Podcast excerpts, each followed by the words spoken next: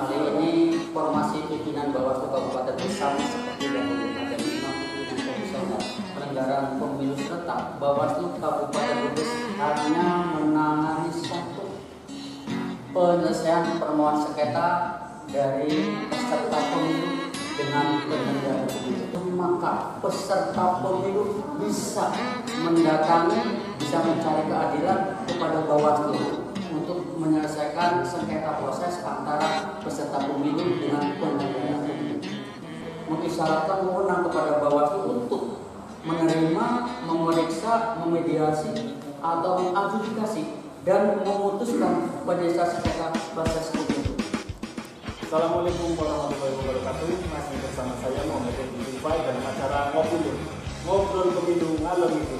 Ini orang ngalor, ini dul Nah sekarang kita sudah kedatangan eh, narasumber kita Bapak Anies Fuad Koordif Sengketa Bawaslu Kabupaten Brebes Yang akan berbincang seputar sengketa pengawas pemilu tahun 2019 kemarin dan apa saja nanti kegiatannya akan Bawaslu Kabupaten lakukan dalam pemilu ke depan. Pak. Oke, kita langsung saja dengan Bapak Anies Fuad. Selamat siang Bapak Anies Fuad.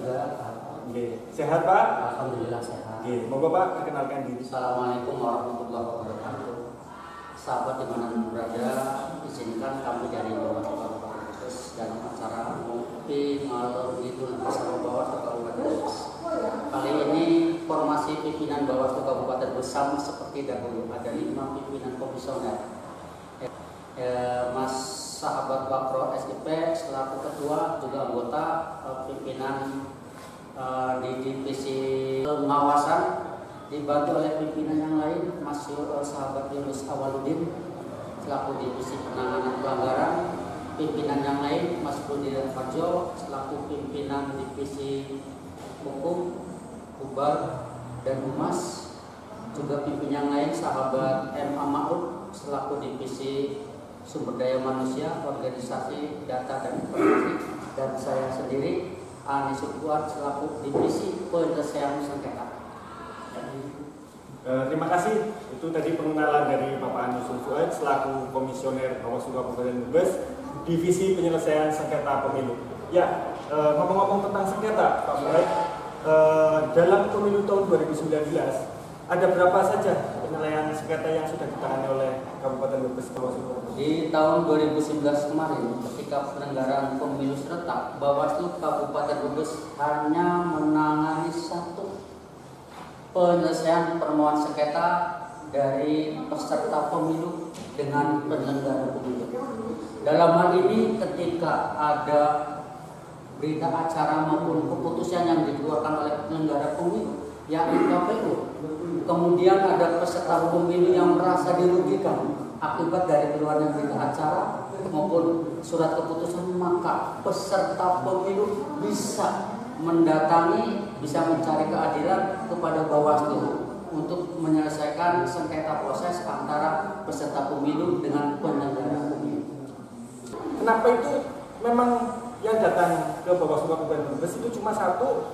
Apa memang dari Kabupaten Brebes sendiri untuk penyelesaian sengketa ada eh, istilahnya syarat-syarat yang susah atau bagaimana? Ketika, ketika itu ada beberapa peserta pemilu yang koordinasi kepada kami. Namun setelah, setelah kami dari Bawaslu menyampaikan ada syarat-syarat formil maupun material yang harus dipenuhi, maka ternyata dia tidak melanjutkan. Berbeda dengan salah satu peserta pemilu yakni dari Partai Nasdem. Dia dengan gigih mempersiapkan sesuai dengan persyaratan yang harus dipenuhi, formil maupun material. Akhirnya dari peserta Nasdem itu kami layani dengan baik sesuai dengan amanat Undang-Undang Nomor 7 Tahun 2017 terutama pasal 94 ayat 3 secara eksplisit mengisyaratkan wewenang kepada Bawaslu untuk menerima, memeriksa, memediasi atau mengadjudikasi dan memutuskan penyelesaian sengketa proses pemilu.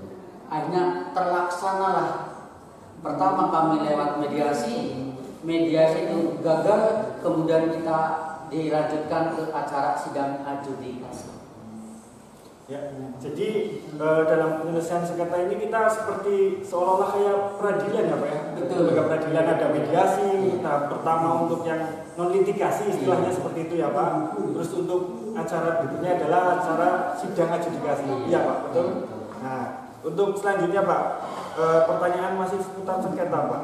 E, apa sih yang Pak Anies Fuad selaku Kordif penyelesaian sengketa di dalam tahun-tahun ini apakah masih ada sosialisasi tentang tata cara penyelesaian sengketa kepada masyarakat masyarakat atau peserta pemilu ke depan? Ada, ada.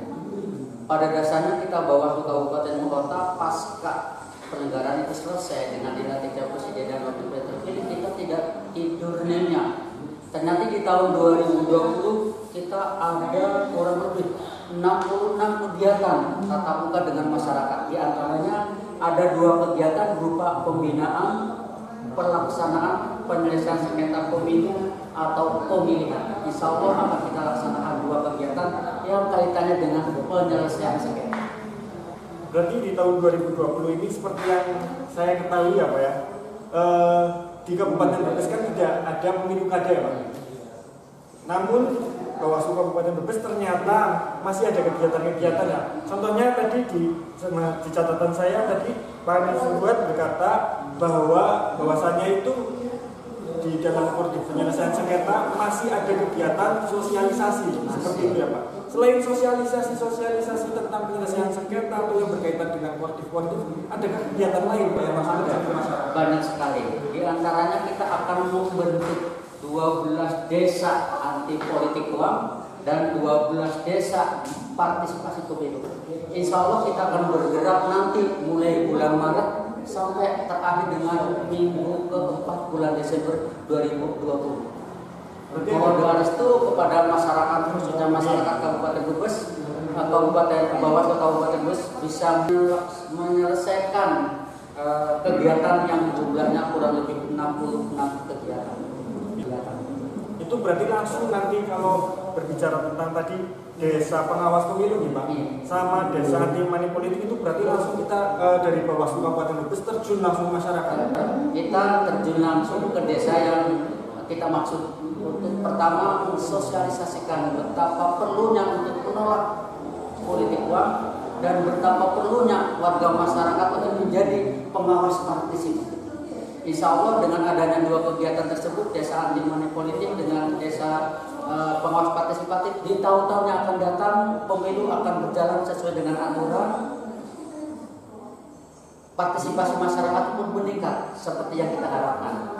Pertanyaan berikutnya ini Pak tentang kegiatan yang sudah dilakukan oleh Bawaslu Kabupaten Brebes tadi adalah tentang eh, adanya eh, sosialisasi partisipasi atau tentang partisipasi oleh masyarakat pengawasan oleh masyarakat itu sudah dilakukan di tahun 2019 terus siapa saja yang menjadi target dari Bawaslu Kabupaten?